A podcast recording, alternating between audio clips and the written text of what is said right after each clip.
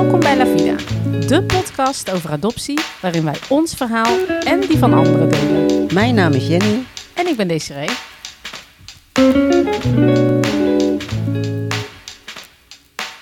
Wat leuk dat je luistert naar een nieuwe aflevering van La Vida, de podcast. Uh, seizoen 3, aflevering 7. En het thema van vandaag is zoeken naar familie met behulp van een organisatie. En daarvoor hebben wij uh, Fiona in, uh, bij ons. Uh, Fiona, hartstikke leuk dat je er bent. Welkom. Ja, wil jij jezelf even voorstellen? Nou, um, ik ben dus Fiona Tergats. Ik ben 46 jaar. ik ben geboren waarschijnlijk in Bogota. Ik ben ook geadopteerd in 1976 en ik woon samen met mijn man en kinderen in Assen. Bogota, Colombia. Even Si, voor de. señora. Ja. Zullen we in het Spaans doen deze aflevering? Nee hoor, nou, grapje. zullen we maar niet doen. Hey, ehm, wij, wij, wij starten eigenlijk altijd eh, de aflevering met de vraag... wat betekent jouw naam voor jouw identiteit? Hè? Omdat natuurlijk eh, de naam voor een geadopteerd iemand niet altijd vanzelfsprekend is. Hoe is dat voor jou? Nou, ik heb dan wel de allerverschrikkelijkste naam van de wereld. Want mijn naam betekent blanke vrouw. Oh, joh. En, maar in de jaren zeventig, toen ik kwam, eh, was mijn ouders geadviseerd om het kind een Europese naam te geven. Mijn Oh. oorspronkelijke naam is Poedat. En maar mijn ouders hebben gekozen voor Fiona Judith. Hè, hoe Nederlands kan het? En daar doe ik het dan de rest van mijn leven mee. Maar toen ik het opzocht en er stond blanke vrouw, toen dacht Oh, ik, man. een beetje jammer. Maar hoe vind je dat? Want je naam is dus aangepast, is veranderd. Nou, dat vind ik op zich helemaal niet erg. Hè? Want ehm, naarmate mijn, mijn leven vorderde, kwam ik er ook achter dat de naam die ik heb gekregen niet mijn eh, biologische naam is. Dus ik heb er eigenlijk ook niet zo mee. En de naam Fiona is afgeleid van mijn moeder, mijn Nederlandse moeder, Fini. Dus wat dat gaat, vind ik het toch wel heel fijn. Maar de betekenis is dan wel weer... Ja, dat is een beetje jammer. Maar ja, ik denk niet dat mijn ouders daar zo eh, bij stil hebben Nee, gestaan in die tijd. Ja, oké. Ik, voor mij is het nieuw dat, eh, om te horen dat ouders eh, die willen adopteren geadviseerd hebben gekregen om de naam ook echt te wijzigen. Ik dacht dat het altijd een soort van eigen dat invulling was. gehoord, hoor. Ja? Ja, omdat ze vaak dat de niet-Europese naam vaak een moeilijke naam is om uit te spreken hier in Nederland. Ja, oké, maar ik dacht dat dat gewoon een eigen idee was van ouders zelf, maar dat daar ook echt een advies op werd gegeven. Ja, het advies werd gegeven toen in de tijd door de BIA. En volgens mij, als ik me nog Kan heel je goed de kan... BIA even uitleggen? De BIA is eh, Bureau Interlandelijk Adoptie. En dat eh, kennen we nu als Wereldkinderen. Oké. Sorry, ik was jouw zin aan het onderbreken. Ja, maar maakt niet uit. Ehm, eh, de BIA die heeft dat eh, zeg maar, dan zeg maar verteld aan, aan de aspirante ouder, om het even lekker eh, zo te noemen. En eh, zelfs in eh, wat de boekjes die ik nog thuis heb liggen van in die tijd, staat er toch ook gewoon. Wat je, Oh. Ja, en dan staat er ook, zo'n boekje begint met het adoptiekind. Oh, Ja. wat wel bijzonder dat jij dat nog hebt. Ja. Die Ja, maar boekjes. mijn ouders die hebben echt alles, maar dan ook alles bewaard van, eh, vanaf de adoptie. En, en dat zij zeg maar eh, de wereldkinderen sponsorden of ehm, zeg maar lid waren. Dan hebben ze alle edities bewaard. Dus ik heb ze ook gebruikt, ze ook heel vaak.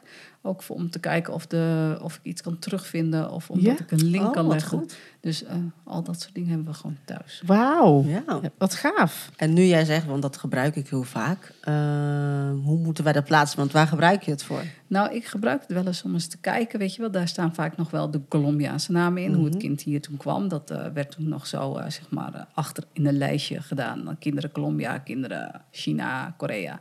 En er stonden alle namen erin met de desbetreffende plaats en waar ze heen gingen. Oh, zo. En soms, eh, als het dan gaat om eh, broers en zussen... die vermoedelijk ook naar Nederland zijn gegaan... ga ik toch altijd eventjes kijken.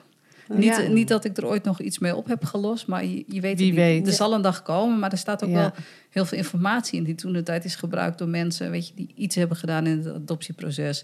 En dan vind ik het altijd wel even fijn om alles hebben te uitgeplozen voordat ik iets eh, vertel of zeg of niet heb nagegaan.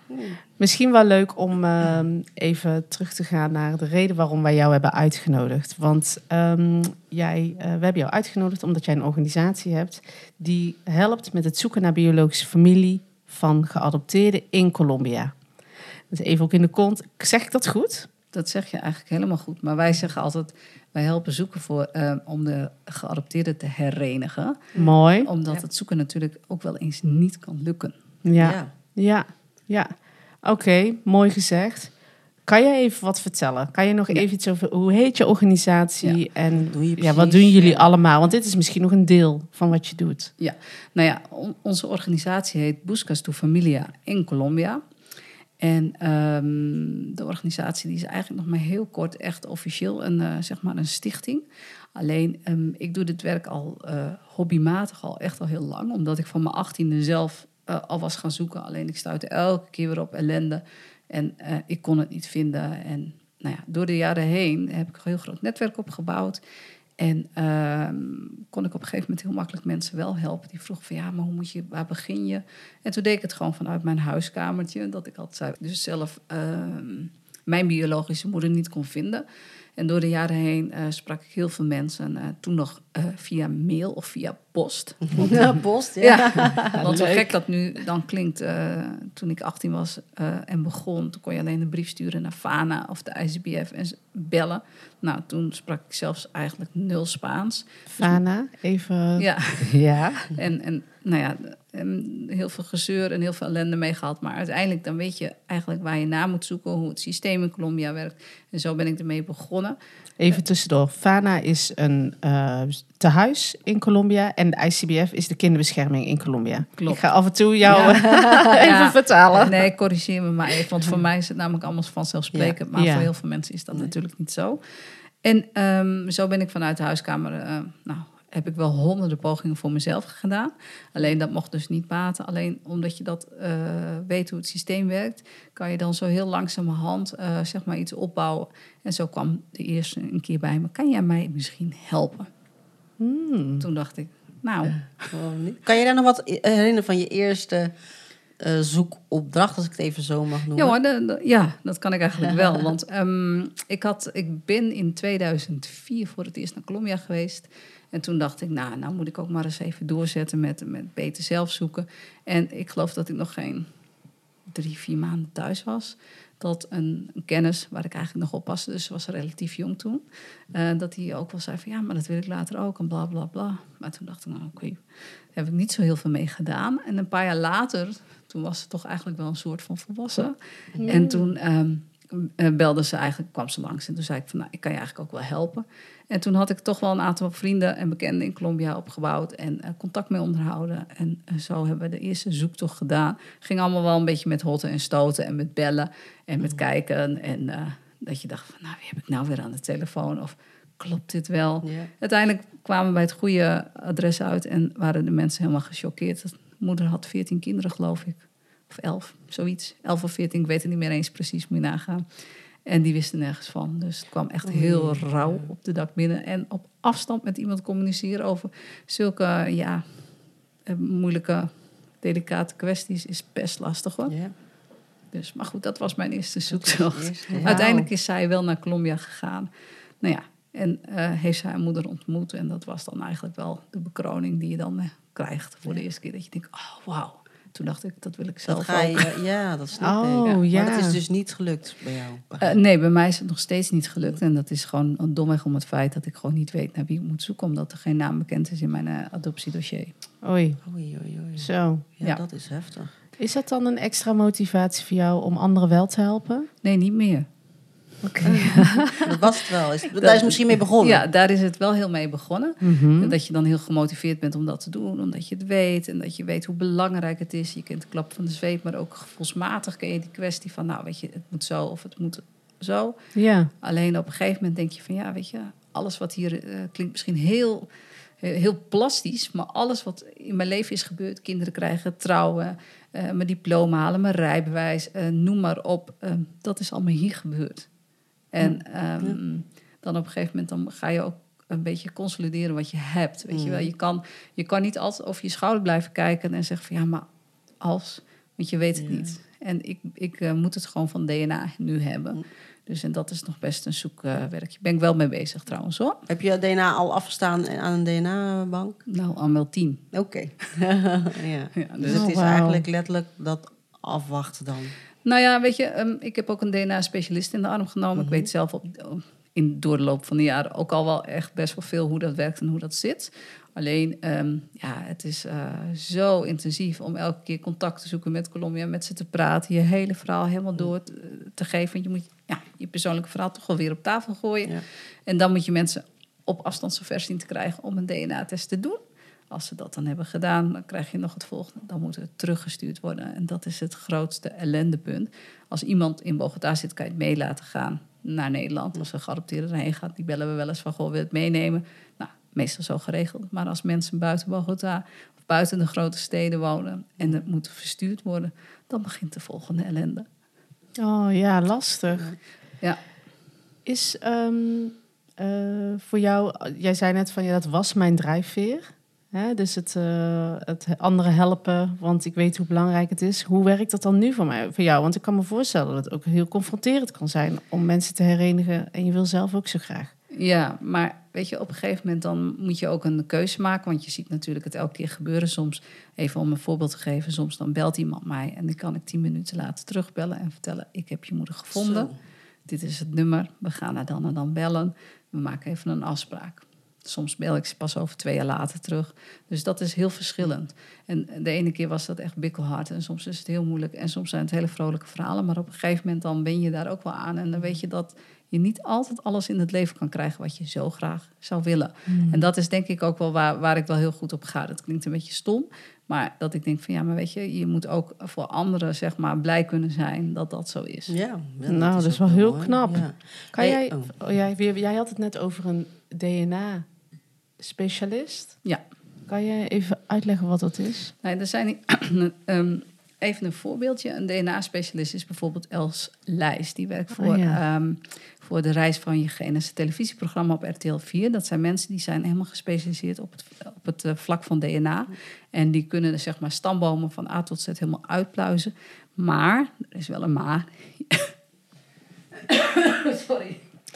Els Lijs, ik zal even, dan kan jij even lekker uithoesten. ik ken Els Lijs inderdaad daar ook van, maar ook eh, zij eh, helpt ook heel veel bij eh, donorkinderen. Bij de Kwak Kwaak, is ook een podcast over donorkinderen. Dan nou, wordt zij ook regelmatig genoemd. Maar zij kan dus in heel veel registers in Nederland, omdat zij dan een soort van, ik weet niet, een toegang heeft. Hè? Ehm, maar ja, voor Colombia lijkt me dat lastig. Ja, alleen ehm, eh, zeg maar, als we het even eh sec over Els Lijs hebben of over een DNA-specialist, is het zo dat de meeste DNA-specialisten hele grote ehm, abonnementen of accounts hebben bij, ik noem even een zijweg, MyHeritage, One223, The Ancestry, ehm, Living DNA. Je kan ze zo gek niet opnoemen, een DNA-bank. En ze zoeken altijd via hele grote zoekmachines. Nu is het wel zo dat als jij een DNA-oplossing wil hebben, moet je een bepaalde eh, grootte hebben van een bepaald DNA-blok. Zonder dat kan je nooit wat vinden. En dan is de puzzel, die wordt, dan heel, eh, die wordt door hun zeg maar, gemaakt. Alleen in Els Lijst, die zoekt dan gewoon via... Hier in Nederland kan je via de bevolkingsregister of Ja. historische registers... kan je alles opvragen. Hier is alles heel goed gedocumenteerd. In andere landen minder natuurlijk. In andere landen minder en in Colombia, je voelt hem al. Daar is het allemaal wat moeilijker. En daar moet je dan echt hebben van eh, dat als je iemand zeg maar, in een bepaalde graad treft met een aantal centimorgenblokken, dat je daarna gaat kijken en dan gaat kijken van goh, weet je, hoeveel ben ik er nodig om het tot een goed eind te kunnen brengen. En daarvoor heb ik dan zeg maar een eh, DNA-specialist in de arm genomen. Oké, sorry, ja, ik wilde dat nog even Ja. weten hoor. Het, Ja. eh, ik dacht, het is wel goed om Maar even goed. te begrijpen. Ja, ik was even benieuwd, hè, want je zoekt, hè, je helpt met zoeken, maar eh, jullie doen nog meer. Hè? Wat, wat doe je nog meer? Nou ja, buiten de zoektocht eh, organiseren wij ook zeg maar, eh, de routesreis voor degene die daar graag heen wil. Wij doen de vertalingen doen we, eh, voor, de, voor de geadopteerden. En dan kan je bijvoorbeeld denken dat we hebben wel eens een vertaling gehad eh, voor iemand die zeg maar eh, autistisch is. En die graag een papier op zak wil hebben. Dat als die wordt aangesproken of als die op het vliegveld wordt aangehouden of wat dan ook. Dat die, eh, want hij sprak geen andere taal. Dat wij gewoon heel goed eh, zeg maar dan uitschrijven van wat er aan de hand is. Zodat hij of zij zich wat rustiger kan vinden. Maar we doen ook bijvoorbeeld de vertaling van de Labrette Militar. Dat is zeg maar ehm, dat elke eh, mannelijke Colombiaan die Colombia weer binnentreedt, maar dat op zijn Colombiaanse paspoort doen, die is verplicht in het leger te gaan. En dan kan je daar bijvoorbeeld een vrijstelling voor krijgen. En dat moet via dat formulier. En ehm, dat doen wij dus ook. Dus jij hebt de, wat jij net bedoelde met die autistische jongen, dus dan heb je het over iemand die geadopteerd is, die naar Colombia gaat en die dus wat extra documenten bij zich wil hebben om, oké, en daar kunnen jullie bij helpen. Ja. Ja, en nou ja, verder doen we natuurlijk ook de vertalingen, maar we zorgen ook voor dat bijvoorbeeld het contact met de familie die we hebben gevonden, dat dat goed gaat verlopen. En dan is het niet zo dat als we ze hebben gevonden, dat we een uurtje of twee uurtjes samen mm. praten en dat we zeggen, nou, tot ziens. Dat doen we niet. Nee, we, we zorgen gewoon dat het contact goed wordt opgezet. Uh, we ondertitelen wel eens filmpjes. Als mensen echt helemaal geen Engels of, Nederlands, of uh, Spaans spreken, dan um, gaan we het op die manier gewoon hun een heel eind op weg helpen. Want uh, de geadopteerde heeft er immers niks aan als het niet lukt. En als het contact niet goed uh, grondig wordt opgezet, dan uh, is de kans van mislukken natuurlijk heel groot. Ook is het zo dat wij voordat wij zeg maar een. Um, een uh, of nee, als wij een moeder hebben gevonden, dat we dan eerst ook wel het gesprek alleen met haar aangaan. Ja, en dus jullie doen het, hebben dat eerste contact met. Ja, en dat met name om te voorkomen dat er hele grote teleurstellingen komen of dat, um, dat ze schrikken van de situatie waarin deze mensen zich bevinden. dat hoor je wel vaker. Hè? Dat natuurlijk, kijk, als degene, als persoon, als je ervoor kiest om te gaan zoeken, hè, dan ben je daar, is daar is een proces aan vooraf gegaan natuurlijk, hè, om daar naartoe te werken. Mm -hmm. En de persoon in kwestie, die wordt natuurlijk out of the blue benaderd uh, daardoor. Ja, dat klopt. En, en wij willen ook graag um, de duidelijkheid ook gewoon van beide kanten hebben. We schetsen het leven hier van de geadopteerden. Want heel veel moeders denken dat het hier... Uh, is. Nou, ongeveer. en heel veel uh, kinderen denken van... nou, nu hebben we mijn moeder gevonden en nu gaat het allemaal gebeuren. Ja. Maar er zijn ook moeders die zijn niet zo blij. Ja. En wat gewoon kan. Er zijn ook moeders, nou ja die zijn eerst heel teruggetrokken. Maar er zijn ook zoekenden die zeggen, nou, dit was dan een bucketlist. Nou ja, dan oh. denken wij ook wel, oké. Maar goed, ook die mensen begeleiden wij gewoon. Wat houdt die begeleiding dan in? Dat wij het hele proces oppakken van het formulier aanvragen bij welke instantie dan ook. Het dossier op orde maken of het dossier op orde krijgen. En wij proberen uh, nou, alles van A tot Z te doen. En daar hoort dus dan ook zeg maar, een stukje communicatie tussen de familie, een stukje communicatie tussen eventueel een tussenpersoon. Uh, we kijken of we, als degene daarheen wil, of we de reis voor ze kunnen regelen. De vertalingen doen we allemaal. Nee, je kan het eigenlijk zo gek niet van denken of wij doen het. En het kan ook soms zijn een bankrekening open of geld sturen of noem maar op. Ja. En je zegt uh, wij, wie is wij? Ja, ik doe dit uh, al een aantal jaren met mijn uh, vriendin Barbara Kroon. -hmm. En Barbara en ik wonen bij elkaar om de bocht. Dus dat is wel heel fijn. Ja, ja, Barbara en ik kennen elkaar van, um, nou, wat ik je voor deze uitzending al vertelde, van Chicolat Groningen, wat later Colombianos Groningen is geworden. En daar hebben we elkaar ontmoet. En um, toen waren we wel bevriend. Later een beetje uit het oog verloren. Barbara ging naar het buitenland. Uh, ik ging gewoon kinderen krijgen en werken. en gewoon. Toen, ja, maar toen kwamen we ook weer bij elkaar in de woonwijk te wonen. En toen um, kwam het hele spoorloos uh, dingetje voor. En uh, nou ja, toen zijn we ook wel heel grondig samen gaan zoeken. Toen deden we en onze eigen zoektochten, maar vooral ook die van anderen. En zo is het eigenlijk helemaal weer tot stand gekomen.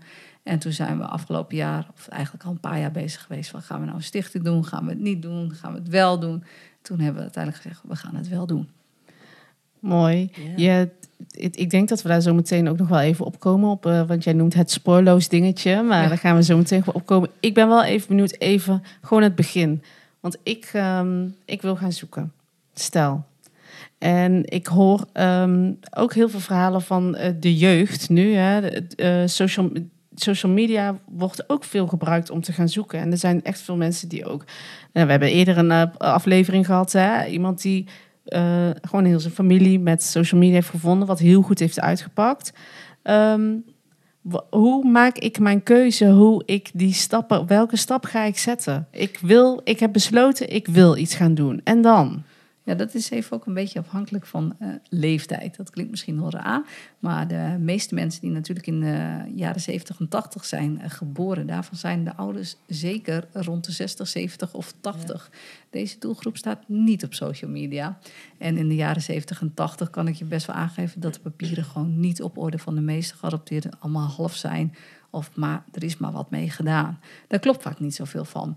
Kijk, en dan um, als jij als uh, individu gaat zoeken, dan kom je wel snel achter dat als je op Facebook gaat zoeken of social media, dat je daar niks gaat vinden. Het is een beetje dus leeftijd gerelateerd. Dat klinkt heel lelijk, maar dat is gewoon zo. En dan denk je, ga ik zoeken. Ja, er zijn er een tal van, van, van organisaties die je willen helpen natuurlijk. Waaronder het FIOM, dat is een hele grote partij die dat ook doet. Ehm, dan heb je Stichting uh, Los Higos en dan heb je nog een uh, DNA-programma. Uh, je hebt ons, maar er zijn ook in Colombia heel veel mensen die dat doen.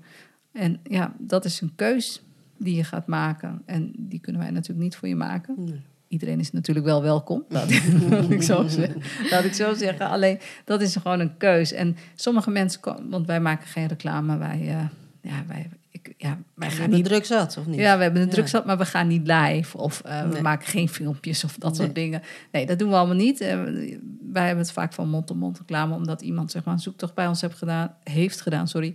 En um, dan zeg maar dat via via hoort. En zo komen ze vaak bij ons terecht. En wat kost dat eigenlijk? Niks. Oké. Okay. Oh, wauw. Ja. Wij vinden namelijk dat het vinden van je identiteit kosteloos moet zijn. En dat elke kind, wat voorheen een kind was, recht heeft om zijn uh, biologische roots te kennen. Wow, dus dit, is, dit doen jullie vrijwillig? Ja. Zo. Zo. Wauw. Ja. Nou, uh, daar heb ik wel waardering voor. Ja, enorm. Ja. Maar jullie krijgen ook niks vanuit de overheid?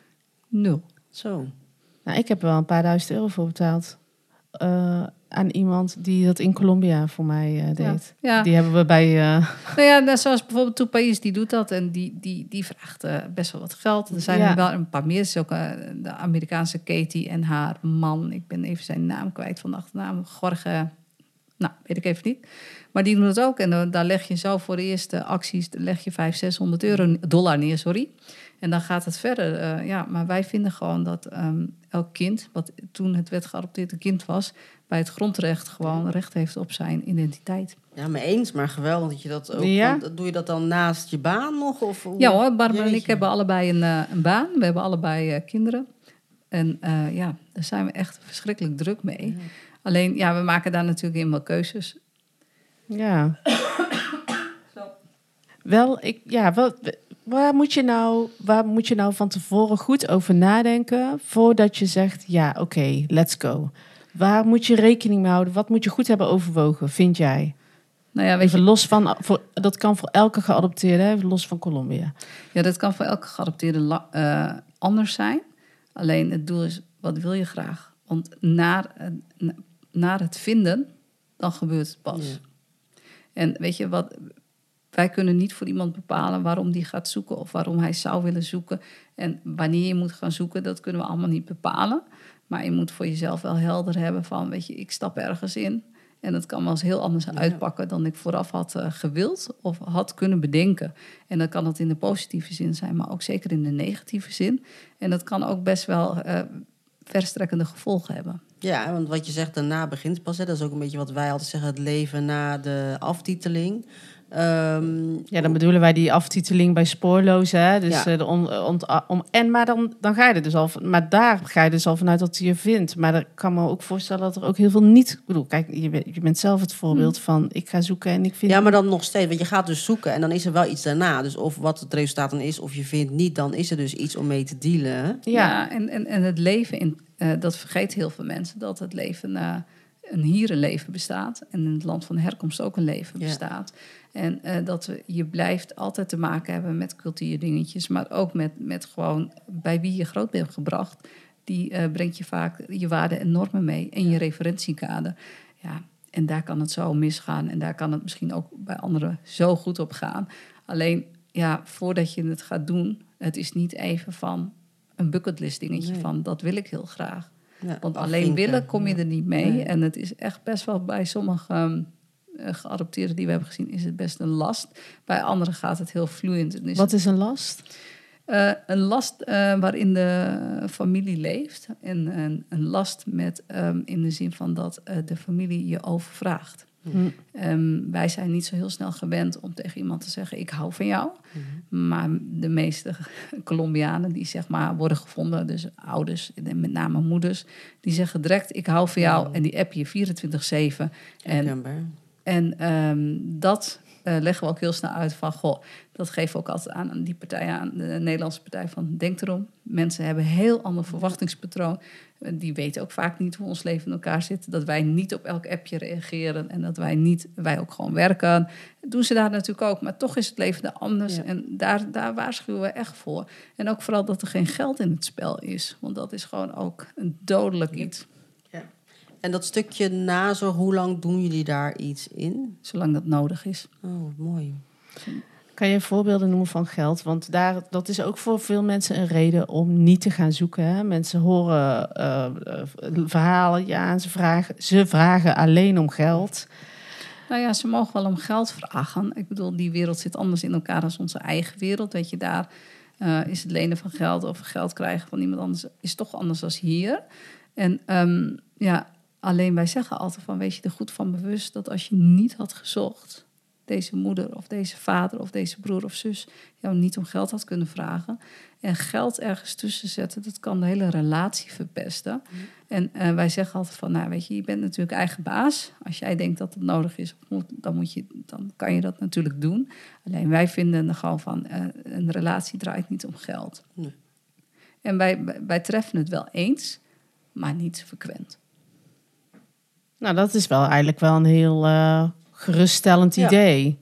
Want, want ik denk dat best wel veel mensen die dit overwegen, daar best wel bang voor zijn. Tenminste, dat hoor ik best wel veel. Dat mensen echt dat denken, ja, dat, Ja, daar kan ik niet mee omgaan. Die overwe ik, ik, ik snap de angst ook wel. En eh, dat gevoel mag je oprecht ook wel hebben.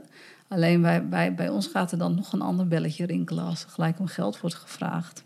In hoeverre is deze familie dan direct echt de goede familie? Want dat hebben we ook wel eens gehad. Wij zeggen altijd eerst testen, dan pas de vlag uithangen. Ja. Is dat iets wat jullie dan meteen doen? Of Als dat, aanbieden? als dat lukt wel natuurlijk. Kijk, het, eh, wat ik vertel, in Bogota is het heel makkelijk. In Medellin, alle grote steden. Dan kan je zonder pardon het allemaal regelen.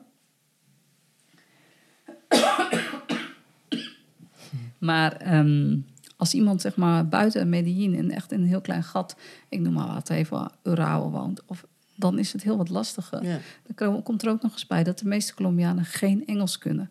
Als de formulieren voor eh, FedEx of UPC of wat dan ook moeten ingevuld worden op afstand, ja, dat, dat doen wij natuurlijk allemaal. Maar dat gaat nog wel eens mis. Vandaar dat wij ook gewoon proberen om dan iemand erheen te sturen. Lukt Ja. ook wel heel vaak hoor. We hebben een aantal mensen in Bogota zitten die voor ons afreizen naar de kleine dorpjes. En de kosten zijn echt laag daarvoor. En ehm, dan uh, zorgen we ook dat diegene de test afneemt en dat wij zeker weten dat hij weer in Nederland terechtkomt. Dat is eigenlijk ons streven. We sturen het wel eens naar Amerika, maar de, de tocht is echt heel lang. Als je het hier verstuurt, en, ehm, dan gaat hij rechtstreeks naar Duitsland en dan is hij er ietsje sneller. Hoe, heb jij, ehm, hoe pak je dat aan om dat eerste contact te leggen? Kan je, dat een, kan je ons daar een beetje in meenemen? Bedoel jij het eerste contact met een biologische familie? Ja, ja. ja. Nou ja, goed. eh, voordat wij dan zover zijn, want dat duurt altijd je eventjes toch. Nou, ik, ik noem even een voorbeeld. We hebben onlangs een, ehm, een zoektocht gehad. Die jongen die belde ons en ehm, die gaf mij zijn papieren. Er stond dus alles in wat ik nodig had. Er werd de naam van de moeder in genoemd, de geboortedatum en het ID-nummer. In het Colom of voor, voor de Colombianen onder ons, het Zedla-nummer. En ehm, vijf minuten later had ik haar getraceerd. En dan, maar ik had geen telefoonnummer. Dus toen Hoe heb- je haar dan getraceerd? nou, we hebben ook wat contacten. Die werken zo hier en daar. Sommigen werken bij incassobureaus, anderen werken gewoon voor de overheid. En eh, die zoeken dan voor ons een nummer. Die heb je ook nodig. Dus. Die, die heb je Ja. ook Ja. nodig. Ja. In het ergste geval, als dat niet lukt, dan gaan we op zoek naar familieleden. Soms moeten we echt via Fe- eh, Facebook ehm, zeg maar een kleindochter aanspreken. In dit geval hebben we dat gedaan, omdat er gewoon geen telefoonnummer nergens bekend was. En ehm, die hadden we ook natuurlijk binnen vijf minuten. En ook heel netjes gewoon ons voorgesteld, uitgelegd wat onze reden is van het zoeken. En eh, dat meisje dat is mijn oma. En het eerste wat ze toen zei, gaat het om, om eh, de, eh, de zoon van mijn moeder, of van mijn oma. Dat was dus wel ja, bekend. Ja, het was bekend. geval, ja. Dus ehm, toen hebben we dat heel snel geregeld. Eh gesprek is heel snel geweest. En toen hebben wij gezegd tegen de jongen van... nou ja, weet, je, deze vrouw is dezelfde vrouw als die op een setlijst staat afgebeeld. Je mag ervan uitgaan dat het zo is. Maar wij willen altijd een DNA-test daaraan vooraf hebben. Mhm. Toen hij daarheen is gegaan om zijn moeder te ontmoeten... hebben ze als eerste op het vliegveld zijn ze aangekomen, elkaar ontmoet... en zijn ze doorgerezen naar een kliniek. In Colombia kan je Oh, bijna overal testen. Kan binnen twee dagen dan is de uitslag er. Dat regelen we trouwens ook op afstand. Oké. Dus dan neem je ook wel een risico door die kleindochter in dit geval te benaderen Ja. via Facebook. Ja, zeker. Ja, Ja, Ja. maar soms dan, weet je, soms dan moet het. Want we, om een heel duidelijk voorbeeld te geven, we hebben voor een eh, andere mm, meid hier uit Rotterdam gezocht. En dat was heel moeilijk, konden we de moeder gewoon niet vinden. Kregen gewoon met geen mogelijkheid boven water. Maar in het dossier werd wel een vader genoemd. Die vader konden we heel snel vinden. Alleen die vader wist niet van het bestaan. ja.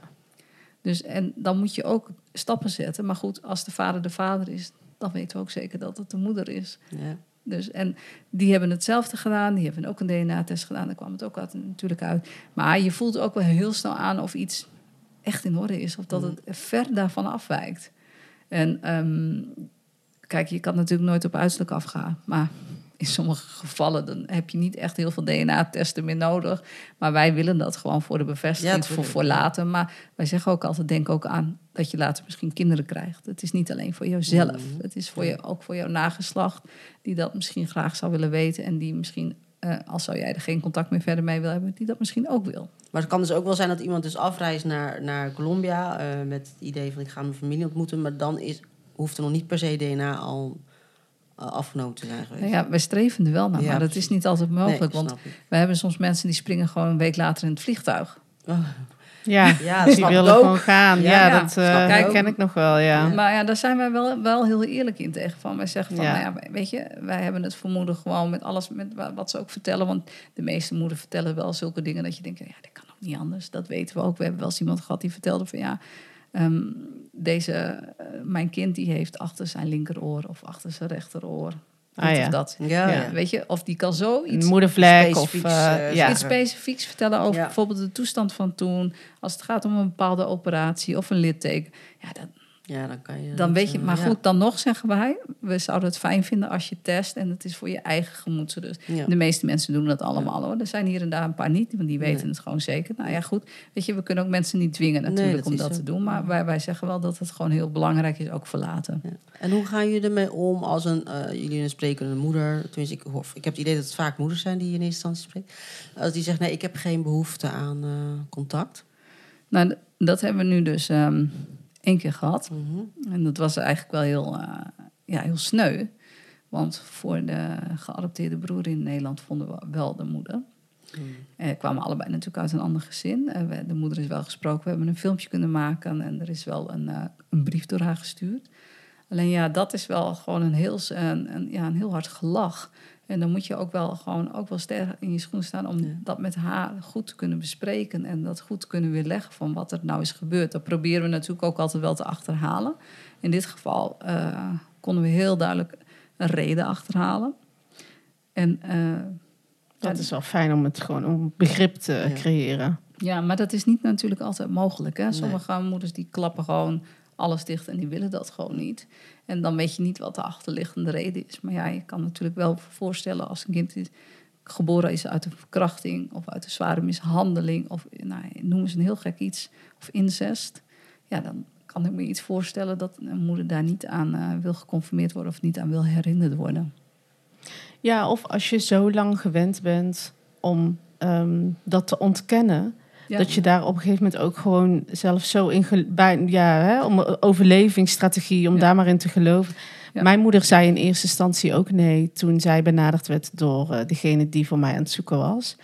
Ehm, en eh, dat was eh, voor haar echt gewoon omdat zij zo in shock was dat er iemand haar confronteerde met haar grootste ja, geheim eigenlijk op dat moment. Want bijna niemand wist van mijn bestaan. En dat heeft haar, dat, daar heeft zij wel een paar dagen voor nodig gehad. En later kwam ze daar toch wel op terug. Ja, nou ja, en dat is het ook. Hè? Je, je weet niet hoe je iemands leven binnenloopt. En Nee. op welk moment dat gebeurt. Ja. Is, is de moeder hertrouwd? Zijn de ouders nog samen? Want dat gebeurt ook wel eens dat we denken dat dat niet zo is.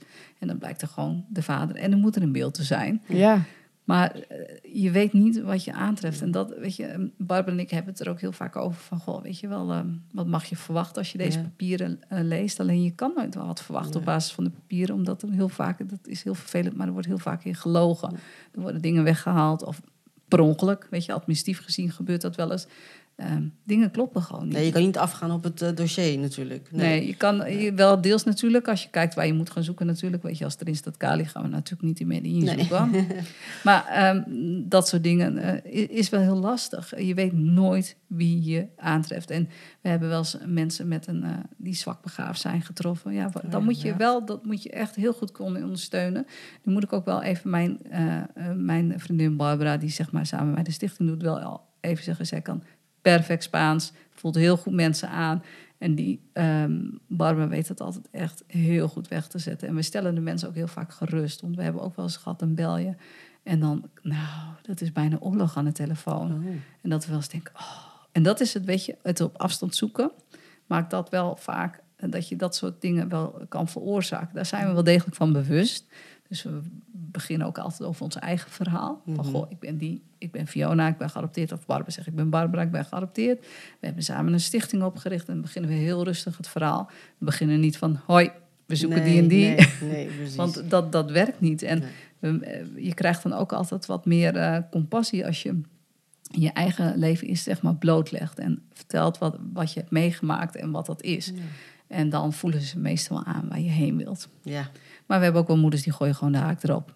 Oei, ja. Maar dan bellen ze toch ook altijd wel na een aantal maanden weer terug. weer terug. We het is ook niet dat wij dan zeggen, oké, dan niet. Nee. Dan houden wij wel vol. En Ja. als het echt niet lukt, dan proberen we iemand heen te sturen.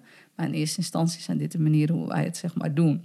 En ehm, als het echt een hele delicate zaak is, waarvan wij al weten, weet je, dat het bijvoorbeeld om incest gaat, of om, om een verkrachting, of om whatever, wat voor verschrikkelijk voorval, dan eh, proberen we daar iemand heen te sturen. Omdat dat gewoon. Bij voorbaat al. Ja, Oké. ja, Ja. want ehm, ja, dat zou misschien toch wat beter werken dan dat je Mm. in één keer op je telefoon een Europees nummer ziet en Ja. waarvan je denkt, wie is dat? ja. Voel je je dan eh verant... Ja, ja, je voelt je denk ik vooral verantwoordelijk. ik. Maar hoe is dat als het niet lukt? Want dan is er is maar één keer een eerste poging om contact te zoeken met iemand. Hoe ga je daar zelf mee om als persoon? Zeg maar gewoon die verantwoordelijkheid van die eerste poging om contact te maken. Ja, dat is eigenlijk een goeie. Daar heb ik nog nooit zo over nagedacht, want ik weet wel hoe ik ermee omga. Maar die verantwoordelijkheid is natuurlijk hoog, want ehm, de verwachting is al hoog als iemand Ja. bij jou aanklopt. Dus maar ehm, ja, wij proberen ook altijd van tevoren uit te leggen wat wij doen en wat er kan gebeuren, wat je kan verwachten. En dat iemand niet erin gaat van, nou, nou gaat het even gebeuren. Ik ga mijn moeder, eh, eh, ik word herenigd met mijn moeder. Want nou ja, dat, dat is niet altijd zomaar. Weet je, en sommige mensen die worden er ook best heel verdrietig van. En de ander kan er heel goed mee omgaan. Sommigen liggen dan nachten van wakker. Dus ja, en sommige mensen die appen ons dan s'nachts. Of die bellen wel eens s'nachts. Dus maar weet je, dat hoort er allemaal bij. Alleen eh, Barbara en ik, die zijn dan echt zo van... Nou ja, weet je, wij, wij doen ons best. Het enige wat wij niet kunnen, is toveren. Wij kunnen niet het sprookje mooier maken dan dat het straks gaat zijn.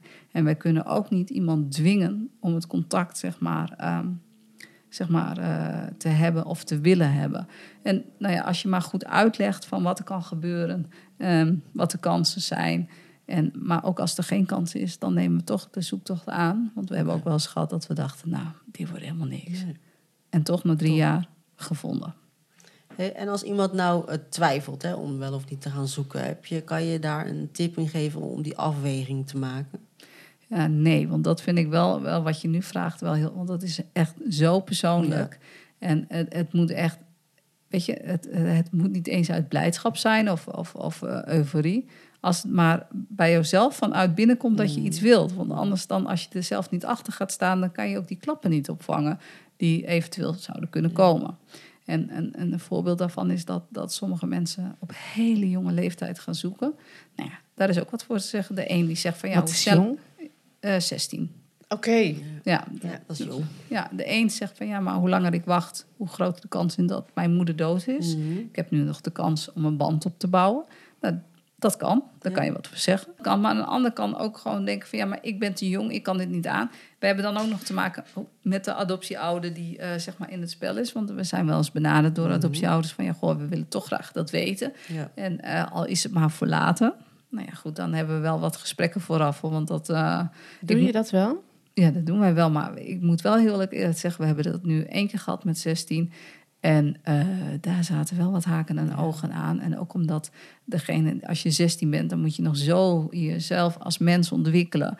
En ehm, je kan jezelf de spiegel dan nog niet goed voorhouden. Je, nou ja, weet je, eh, de verstandhouding met je ouders ligt dan nog waarschijnlijk ook altijd wel onder vuur. Het is de moeilijkste periode uh, in je leven. Je puberteit, je identiteitscrisis, alles komt erbij. En Barbara en ik hebben nu ook wel gezegd, nou ja we willen dat toch eens uh, van tevoren nog screenen en aftasten. En dan eens kijken van of wij dat dan. Uh, of het dan uh, goed is om dat te doen. Kijk, de een is niet zo sterk als de ander. En we hebben toen echt wel. Dat was echt onze eerste valkuil. Dat we zeiden van nee, dat moeten we niet weer doen. Als niet alle partijen weten wat er gaat gebeuren. En als um, in dit geval. Uh, ging het ook nog om een, een scheiding van de ouders hier in Nederland. Dat was gewoon heel lastig. En dat de ene partij het wel wou en de andere partij het niet ja, dan moet je echt eigenlijk gewoon dan eigenlijk zeggen... dat is misschien beter als er meer rust ja. thuis is. Nou ja, ik was 17 hè, toen ik een brief schreef. Uh, en ik was er ook volledig van overtuigd dat ik dat aankon. Nou heeft het drie jaar geduurd. Uh, daar ben ik achteraf ontzettend blij mee. Ja. Je een brief schreef naar? Spoorloos, excuus. ja, ik, mijn ouders zeiden ook, bevind je niet dat je nog wat te jong bent. maar ze hebben me wel, me wel daarin laten gaan. maar goed, wat ik zeg, nee, ik ben wel heel blij dat het toch nog drie jaar geduurd heeft. Ja, maar ik kan me dat ook helemaal voorstellen hoor. En, en sommige mensen die denken van ja, ik ben nu op de top, maar wanneer is die top? En dat je iets, dit, dit zijn echt zulke ingrijpende zaken. En dan heb ik het er niet eens over dat het bijvoorbeeld alleen maar huilen is of alleen maar dit. Maar dit heeft gewoon gevolgen voor de rest van het leven wat erna komt. Ja, zeker. En dat klinkt misschien heel zwaar, maar het is zwaar. Ja, ja je, je, krijgt er gewoon iets bij. Dat gaat gewoon op je rug. Dat gaat je mee. kan niet meer terug in de kast stoppen. Nee, en je moet, dat, je moet dat kunnen dragen. En jouw omgeving moet dat kunnen dragen. Dus ja, er zijn wel heel veel dingen waar je... Ja. Maar hoe kijk jij dan tegenaan? Dat vind ik zelf wel lastig. Dat je nu op social media best veel ziet dat um, uh, adoptieouders alvast gaan zoeken.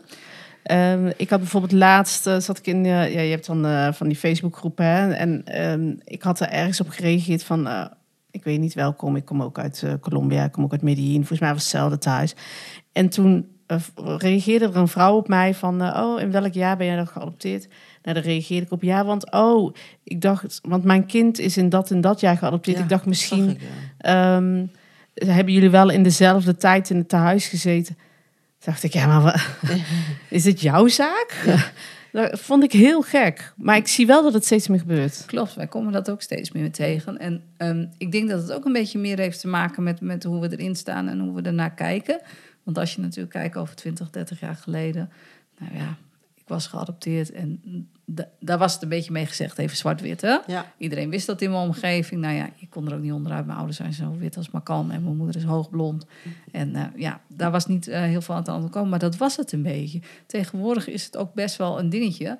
dat iedereen altijd vraagt... heb jij je moeder al gevonden? Ja. En ja. er wordt gewoon ook veel meer... Uh, er wordt steeds meer over duidelijk. Er wordt steeds meer over geschreven. het komt steeds meer in de media. Dus ik, ik, ik begrijp het wel. Alleen ik, um, ik en Barbara hebben daar ook wel onze mening over Alleen weet je, iedereen staat er natuurlijk vrij in. En um, in de, aan de ene kant snap ik de ouder. Weet je, uh, hoe, hoe dichter bij de kern, hoe ja. meer er nog te vinden valt. En hoe, hoe, makkelijker het is voor als je kind later volwassen is te zeggen van nou kijk, zus en zus en zo zit het. Alleen er is wel een maar. Want bij wie zit het even eigenlijk de vraag dan? En wie, heeft, uh, wie, wie wil dit graag dan? Ja. In wie zijn belang is het? Ja, Wie is een nieuwsgierigheid? Ja, nou ja, dat, dat vraag ik me dan ook wel eens af. Alleen, daar moet je dan wel heel voorzichtig mee zijn. Want bij sommige ouders waar de kind nog echt onder de vleugels zit... en dan heb ik het over kinderen van de jaar, vanaf 12 tot en met een jaar of 18... die nog echt onder moeders vleugels zitten... die kunnen daar natuurlijk heel anders op reageren als dat wij dat nu doen. Wij zijn volwassen vrouwen, ja. wij hebben eigen kinderen. Je kijkt er heel anders naar. Maar zo'n kind kan denken, oh ja, fijn, mijn moeder regelt het. Dat kan. Ja, maar het gevaar maar het, is natuurlijk wel, ja, als je dan nog niet daaraan toe bent ja. eigenlijk zelf. Dan, uh, ja, maar of dat, je weet niet eens dat je moeder het aan het regelen is, want die denkt ik zeg niks, dat krijg je wel als je 23 bent. Ja, ja. maar, ja, maar, we, maar, de meeste dingen schakelen ook wel uit. Hè. Wij willen wel altijd met iedereen spreken. Als het echt okay. om minderjarigen gaat. netwerk. Ja, ja. Kijk, en, en weet je, wij zijn verder geen een of andere instantie. Ik, weet je, wij geen, zijn geen social workers, maar wij hebben wel een mening. En wij geven wel heel duidelijk aan van, van nou ja, weet je, wij vinden bijvoorbeeld het niet verstandig. Ja. Punt. En um, om het contact te maken, zou je dan niet wel een social worker moeten zijn? Dat denk ik soms wel, ja. Misschien ben je dat inmiddels ook wel bijna geworden zonder Ehm, eh, nou, nu, moet ik zeggen dat Barbara en ik ook wel eens eh, dat met z'n tweeën, weet je, we- bellen elke zondagavond en elke dinsdagavond zijn we aan het zoeken. Doen we ook heel veel eh, belafspraken. Ehm, bellen we met, met, met onze contactpersonen daar, onze vrijwilligers daar. Maar we bellen ook gewoon met mensen waar we, eh, nou ja, noem maar even wat hoor, journalisten, radio's. Ehm, maar dat zeggen mensen ook van, nou, je moet wel wat kunnen, want je moet mensen met elkaar verbinden. Ja. En mensen met elkaar verbinden lijkt veel makkelijker dan het is. Want op papier is het gewoon eh, moeder A met kind A verbinden. Papier. Ja, papier. ja, ja. Precies. Maar- ja. Het kind is inmiddels hier opgegroeid in Nederland. En dan ga je een ander kind eigenlijk eh, verbinden met deze moeder. En dan moet je heel veel kunnen uitleggen. En wat dat er gaat, ehm, eh, ben ik ook heel blij dat eh, Barbara bij mij in onze stichting gestapt. Van die echt, die is uitmuntend goed in het, ja, in het verbinden in het Spaans. Weet je, ik kan wel Spaans, maar ik kan dat niet zoals zij dat kan. En zij vraagt tot de detail, maar is ook gewoon daarin heel netjes en heel heel schappelijk naar de moeder toe. En ook we praten uit eigen ervaring. We vertellen ook altijd heel vaak ons ja, wij zijn ook geadopteerd en nou ja, dit, dit zou kunnen. Dit, dit is zo gegaan bijvoorbeeld. Zodat een moeder of, of een vader of een familielid zich op zijn gemak vindt. Dus verbinden is nog niet zomaar gedaan Nee, dat met één zoekopdrachtje. Nee. En dan is het ook nog eens, als je dan hebt gevonden en hebt verbonden, blijft de verbindenis dan bestaan. Ja. Ja. Je had het nog even over spoorloos, over eh, tv. Kan je nog kort vertellen, voordat we naar de stellingen gaan, ehm, wa- waar, we waar we jouw stichting... Of, eh, volgens mij hebben wij Barbara op tv gezien. Ja. Ehm, in 2017 eh, deed ik al best wel heel veel zoektochten uit vanuit mijn woonkamertje. En ik had mijn twijfels altijd bij Barbara's zoektocht. Dat kwam gewoon omdat ik Barbara kende en nog een aantal mensen uit Groningen, die ook zijn geadopteerd, ook in spoorloos waren. Daar had ik gewoon echt twijfels bij. En het was meer ook zo van, nou, weet je, ik doe dit al zo lang. Hoe kan dit? Je kan toch niet iemand vinden zonder vaste woon- of verblijfplaats? Is mij nog nooit gelukt. Mhm. Maar dat is ook wel heel moeilijk als we het over eh, eh, steden hebben waar miljoenen mensen in wonen. Hoe ga je iemand vinden en vooral in die tijd? Want toen eh Spoorloos in de jaren 90 heeft gezocht, of eh, 2001, in die, in die, toen waren de meeste Colombianen hadden geen social media en hadden geen mobiele telefoon. Hoe ga je deze mensen bereiken? En dat bleef door mijn hoofd spoken heel lang. Ehm, ik sprak op een gegeven moment de correspondent van Spoorloos in 2017. Ik was in Bogota voor een ander programma. En ik sprak haar en zij vertelde mij iets waarvan ik dacht: dat kan niet. Maar goed, dat kan wel meer niet. En misschien heb ik het gewoon hartstikke fout, dacht ik nog. We gingen terug naar Nederland en het bleef in mijn hoofd circuleren. Ik denk, ik bel Barbara op, ik ga het toch zeggen. Op dat moment was Barbara's moeder gewoon ziek. En ehm, toen dacht ik, nee, ik eh, kan dat nu niet daar lanceren. Dus ik wachtte nog een tijdje. En op een dag sprak ik haar man in, in de lift. En die zei, nee hoor, dit is hartstikke goed. Dus ik naar huis gerend, telefoon gepakt, Barbara gebeld. Ik zei, Barbara, ik moet echt met je praten. En toen kwam ze. Toen zei ze, nou, wat is er dan zo belangrijk? En toen heb ik het dus verteld, mijn twijfels uitgesproken op basis waarvan. Ik heb het hele verhaal onder, onderbouwd. En toen zegt Barbara, Jouw je. twijfels over, spoorloos. over, de, de, over de zoektocht. zoekwijze. Ja, over de zoekwijze, maar ook hoe ze, tot, eh, hoe ze nou aan dat verhaal zijn gekomen. Nou, en dat heb ik tot in de detail aan Barbara uitgelegd. En Barbara die zei, nou, nou je het zo weerlegt. Ik heb altijd een heel raar gevoel erbij gehad. Bij haar, want zij had haar moeder gevonden via Ja, spoorloos. oorloos, Ja, maar die moeder heeft ze nooit gezien, nooit gesproken. En toen zijn we in het hele dossier eh, gedoken. En toen kwamen we er toch heel snel achter dat het gewoon onmogelijk was. Maar we konden het niet bewijzen. Want je moet toch ergens met bewijs komen voordat je überhaupt ergens mee naar buiten kan komen. Toen heb ik alle spoorloze uitzendingen gekeken die er online nog te vinden waren. Waaronder, waaronder een aantal mensen uit het noorden van het land die ik ook kende. En omdat ik die mensen kende, heb ik die als voorkeur zeg maar, gegeven. Omdat de ingang makkelijker is om dan te bellen. eh, hallo, hier is Fiona. Ik denk dat jouw, eh, jouw zoektocht bij spoorloos niet klopt. Ja, en dan moet je dat. wat. ja, Ja. dus ik heb die, ehm, die andere mensen ook benaderd, het hele verhaal uitgelegd. Ehm, ik zeg van, nou, het is natuurlijk een theorie. Ik kan het niet bewijzen. Maar mag ik nog een keer een zoektocht overnieuw doen? Nou, dat mocht. En ehm, heel snel kon ik dus aantonen dat de eerste de beste moeder die dan was gevonden voor spoorloos absoluut niet de moeder was. En toen dacht ik, oké, nu heb ik gelijk. Dus dan gaan we door naar de volgende. En ehm, die was dan wel van Wereldkinderen, maar die was door Edith Niemann en Edwin Velen ook gedaan. En ik wist dat ze allebei voor dezelfde beide organisaties werkten. En ik, ja, je wil ook eigenlijk het grote instituut Spoorloos geen ehm, niet naar wijzen. Want wie ben jij? Ik, weet je, misschien is dit toeval. Maar toen de tweede en de derde kwamen, toen dacht ik, dit is geen toeval. En ehm, ook uit um, nou, heel veel dingen die wij op het spoor kwamen, toen dacht ik, oh, wat, is het, wat gebeurt hier? Maar ja, toen zaten we nog steeds met Barbara in onze maag, want we wisten dat het niet zo was. We konden het niet bewijzen. Hoe bedoel je? Kan je even uh, kort details? Dus Barbara heeft haar familie gevonden. Ehm, maar ze had haar nog nooit gezien. Nee, Barbara... Voor de mensen die het programma niet hebben gezien. Nee, uh, wij, uh, Barbara was dus te zien op 17 oktober 2022 bij Kees van der Spek. Oplichters in het buitenland. En daar in dat programma kwam er dus heel duidelijk uit dat in 2005 is Barbara's programma uitgelicht. Daar, kwam, werd haar moeder gevonden. Is een mooie reconstructie van gemaakt, want de vrouw wilde niet in beeld. En die, nou ja, heel verhaal. Doorspoorloos. Doorspoorloos. Ja. Dus, nou, beste Barbara, we hebben je moeder gevonden. Hier hebben we je een reconstructie, maar ze wil je niet ontmoeten. En dat was einde verhaal. Punt. En daar, op die basis, wat ik jullie net vertelde, ben ik dus, was ja. mijn, mijn wantrouwen van, nou, dat, wat een bijzonder verhaal. Weet je, Barbara is geboren in Bogota. En die moeder werd gevonden in Cali. Maar er was geen aan, aanwijzing of geen reden om daar te gaan zoeken. Dus en dat, nou ja, dat alles met die samen van die andere mensen die wij dan kennen, ja, zijn we dus erachter gekomen dat het gewoon niet zo was. En toen zei, zei ik van op een gegeven moment van, nou ja, we gaan verhalen halen bij Spoorloos. Toen werden we niet gehoord. Oh. En dat, dat was het meest verschrikkelijke eigenlijk aan het hele verhaal. Dat wij uh, ook wel begrijpen natuurlijk, hier gaat heel veel geld, heel veel tijd en heel veel tranen zitten hierin van alle partijen die hier aan mee hebben gewerkt. Alleen ze hebben niet gereageerd, ze wilden niet reageren. En toen dachten we, ja, dat is klaar. Dus toen ja. hebben wij uh, um, dat via Kees van de Spek gespeeld. Die uitzending is geweest. Nou, en toen ging het hele circus ja, los. het wel natuurlijk. Ja. ja. Toen hadden ze geen keus meer. Het liefst, en daar ben ik heel eerlijk in, hadden we echt gezien dat zij gewoon hadden gereageerd. Ja. En dat je dan samen tot een goede oplossing kan komen. Maar daar hebben ze niet voor gekozen. Wat jammer. Ja, ja, dat is zeker jammer. Maar het is vooral ook intens verdrietig. Want als jij 17 jaar lang hebt gedacht dat dit je moeder is. En dat is niet zo. Ja dat is echt een keihard gelach. En dat, dat voelt bijna net of er iemand dood is. Ja, ja, dat ja het is schrikkelijk. Ja. Ja, dat was wel um, een bommetje. Ja, in, uh, behoorlijk bommetje.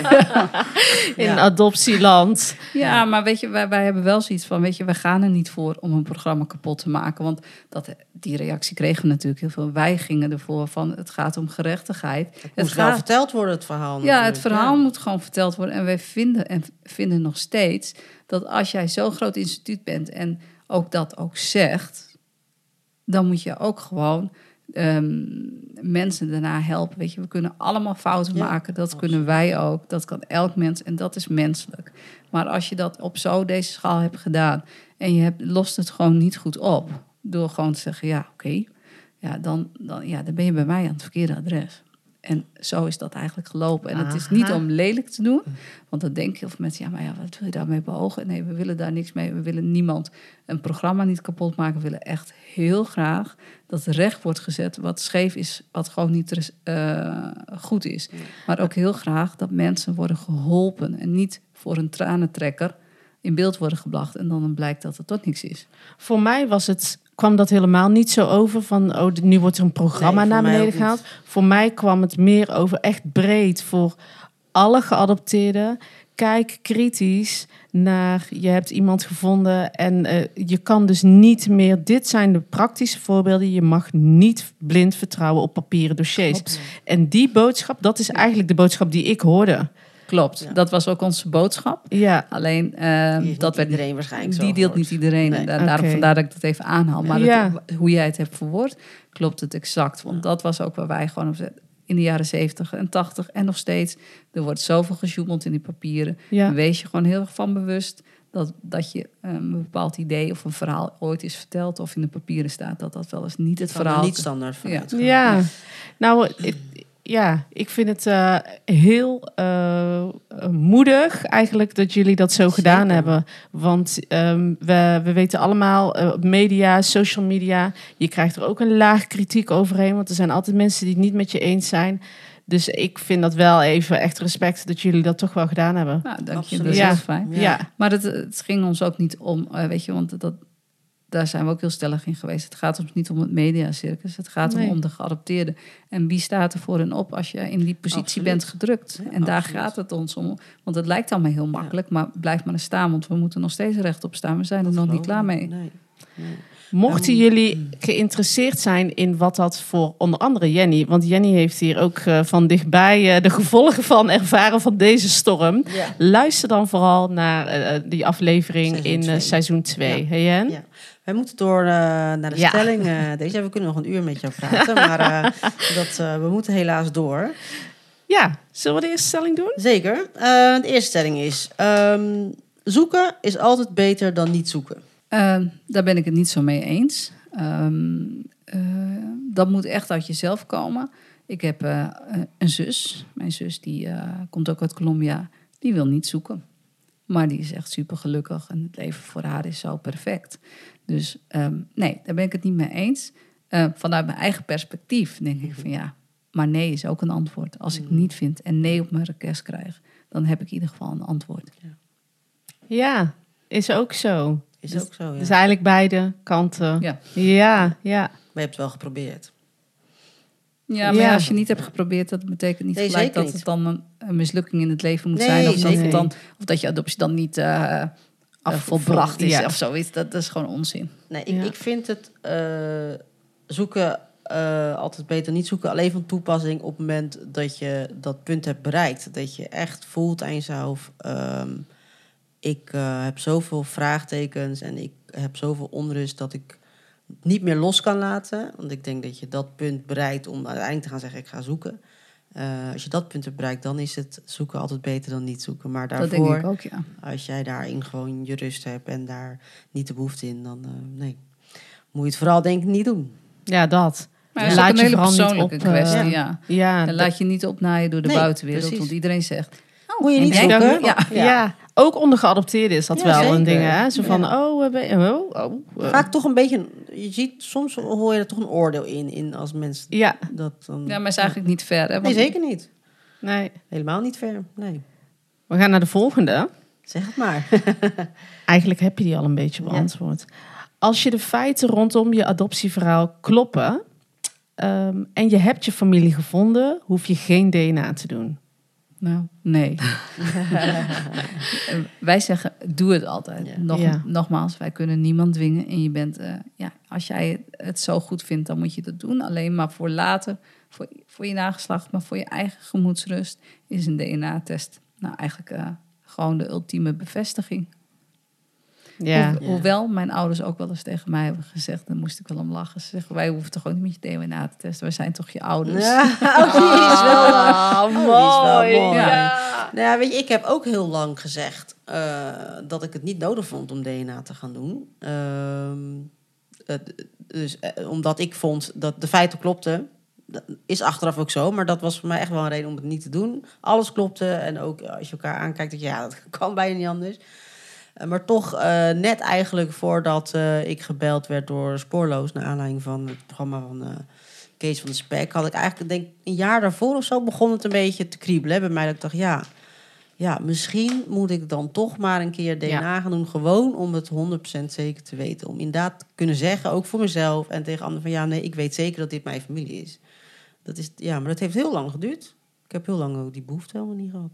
nee. En toch is het ergens gek, hè? Dat, je, dat eh, die bevestiging er eh, moet zijn, weet je wel. Terwijl, wat ik net zei van mijn eigen ouders... die Ja. bevestiging is er ook niet. En het zijn mijn ouders. Weet je, en dit is dan de Ja, bevestiging. wel. Ja, ik vind ja. hem wel goed. Ja, Ja, Ja. maar weet je, eh, het, het, het gaat meer om de gemoedsrust. Ja. Weet je, want alles wat er verder omheen zit, dat valt of staat, eh, valt en staat daarmee. Alleen gevoelsmatige kwesties niet. Nee. Want als je kijkt naar DNA onbekend, of weet ik veel, zo'n programma, en je ziet de tranen die overvloeien als het wel zo is en ze hadden het liever niet gehad. Ja. Weet je, dat is de, dat is de keerzijde natuurlijk. Hè? En dat we er heel goed zijn van zijn bewust van dat het gewoon een mijlpaal is, de bevestiging. Ja. Maar dat dat niks van eh, het houden van. Zeker eh, niet. eh, de, Nee. de intensiteit, eh, ehm, de, in, ja, hoe noem je dat? De, de familieband die je hebt, oh, hoe hoog of hoe laag die ook Nee, is. zeker niet. Maar het is wel een stukje van je roots, van je identiteit... waarvan je denkt dat je daar antwoorden op hebt gevonden. En als blijkt dat dat dus eigenlijk niet zo is... dan zou ik dat wel willen weten. Ja, nee, maar Ja. dat hang ik ook aan. Maar Ja. ik, weet je, wij bekijken alles altijd van meerdere kanten. Ja, je kan niet, zeker. niet standaard zeggen, ja, maar dat is zo of dat Nee. moet of zus. Je moet wel altijd het tegen het licht houden en bedenken van, ja, maar wat is de andere kant om? Ja, zeker. Jij, Ja. Ja, eh, nee. Ik ben het wel eens. Ja, ik heb dus ook vrij laat DNA gedaan. Nadat ik mijn moeder al heel lang, eh, waar ik al heel contact mee had. Ehm, dus, en ik, eh, ik zou iedereen gunnen dat je die ongemakkelijke fase niet door hoeft te gaan. Door het gewoon gelijk te doen. Ja. Ik hoor nu echt wel af en toe dat mensen dan hun familie hebben gevonden. En dat ze dan zeggen: nee, ik wil gewoon eerst echt gewoon even eh, tijd maken om het contact te maken. En dan komt DNA nog wel Het wordt wel moeilijker. iedereen zijn eigen eh, volgorde. En ik bedoel, maar ik denk dan wel, oh ja, maar ja, beter maar gewoon misschien nog- nog liever voordat je ze ziet. Ja. Ja, want als je een band opbouwt Ja, en wordt het dan in één keer hoor je ingewikkeld. van dat het niets is, Ja. nou, dan, dan kom je toch echt wel weer in het proces van rouw. Ja. Ja, of ehm, daarvoor, je moet dat gesprek aangaan over DNA. En dat kan ook een verstoring zijn in de relatie die je hebt opgebouwd. absoluut. Eh sommigen weigeren het het om te doen, anderen als een wel. belediging. Ja, Ja. dus ja, dat- je kan jezelf zoveel besparen door het meteen Klopt. te doen. Ja, klopt. Ja, Ja. Eh, ja dus nee, ik, eh, ik zou eh, vooral lekker DNA-testen doen. Ja, nee, maar dat, dat zeggen wij ook. Maar wat ik eerder zeg, weet je, je Ieder kan niet, ding. Je kan, iedereen, iedereen heeft zijn eigen eh, visie daarop en iedereen heeft zijn eigen mening of zijn gevoelens daarbij. Ja, Alleen ja, om heel veel ellende te voorkomen, Is het wel makkelijk. is het wel een Ja. heel goed ding. Of een hele goede pijler, laat ik dat zeggen. Ja. Om, om eh, met beide benen in de grond te kunnen landen en zand onder de voeten te krijgen, waardoor je goed stevig kan staan. Nou, mooi Mooi gezegd. afsluiten. Zo, ja. Dankjewel. Eh, ja, hier gaan we mee afsluiten. Ja. Wil je reageren op de stellingen? Eh, ga dan naar onze Instagram-pagina La Vida de Podcast. eh, of op onze Facebook-pagina La Vida de Podcast. Heb je geen social media en wil je reageren, kan dat op lavidadepodcast.gmail.com. Fiona, heel erg bedankt. En jullie ook. Dankjewel En- voor je tijd. En ja, super. En heel veel succes met al het mooi werk wat je doet. Nog even misschien Ja. goed om te eh, vertellen, hoe kunnen, we, hoe kunnen Goeie. mensen jou vinden, jullie? Nou, Ja. je kan ons vinden natuurlijk op Facebook, Buscas tu Familia in Colombia. We hebben ook een eh, Instagram. Eh, je kan me op mijn persoonlijke Facebook, Fiona Fiona, gewoon vinden. We hebben een, eh, een e-mail, dat is buscastoefamilia.gmail.com. Dan hebben we ook nog een, eh, een eh, internetpagina, maar die is nog even onder constructie. Oké. Mooi. Wij gaan jullie eh, taggen. Ja. ehm, zodat mensen jullie weten te vinden via onze social media kanalen. En lukt dat niet, mail ons dan even. Dan eh, sturen we alle gegevens naar jullie toe. Tot de volgende keer. Super bedankt dames.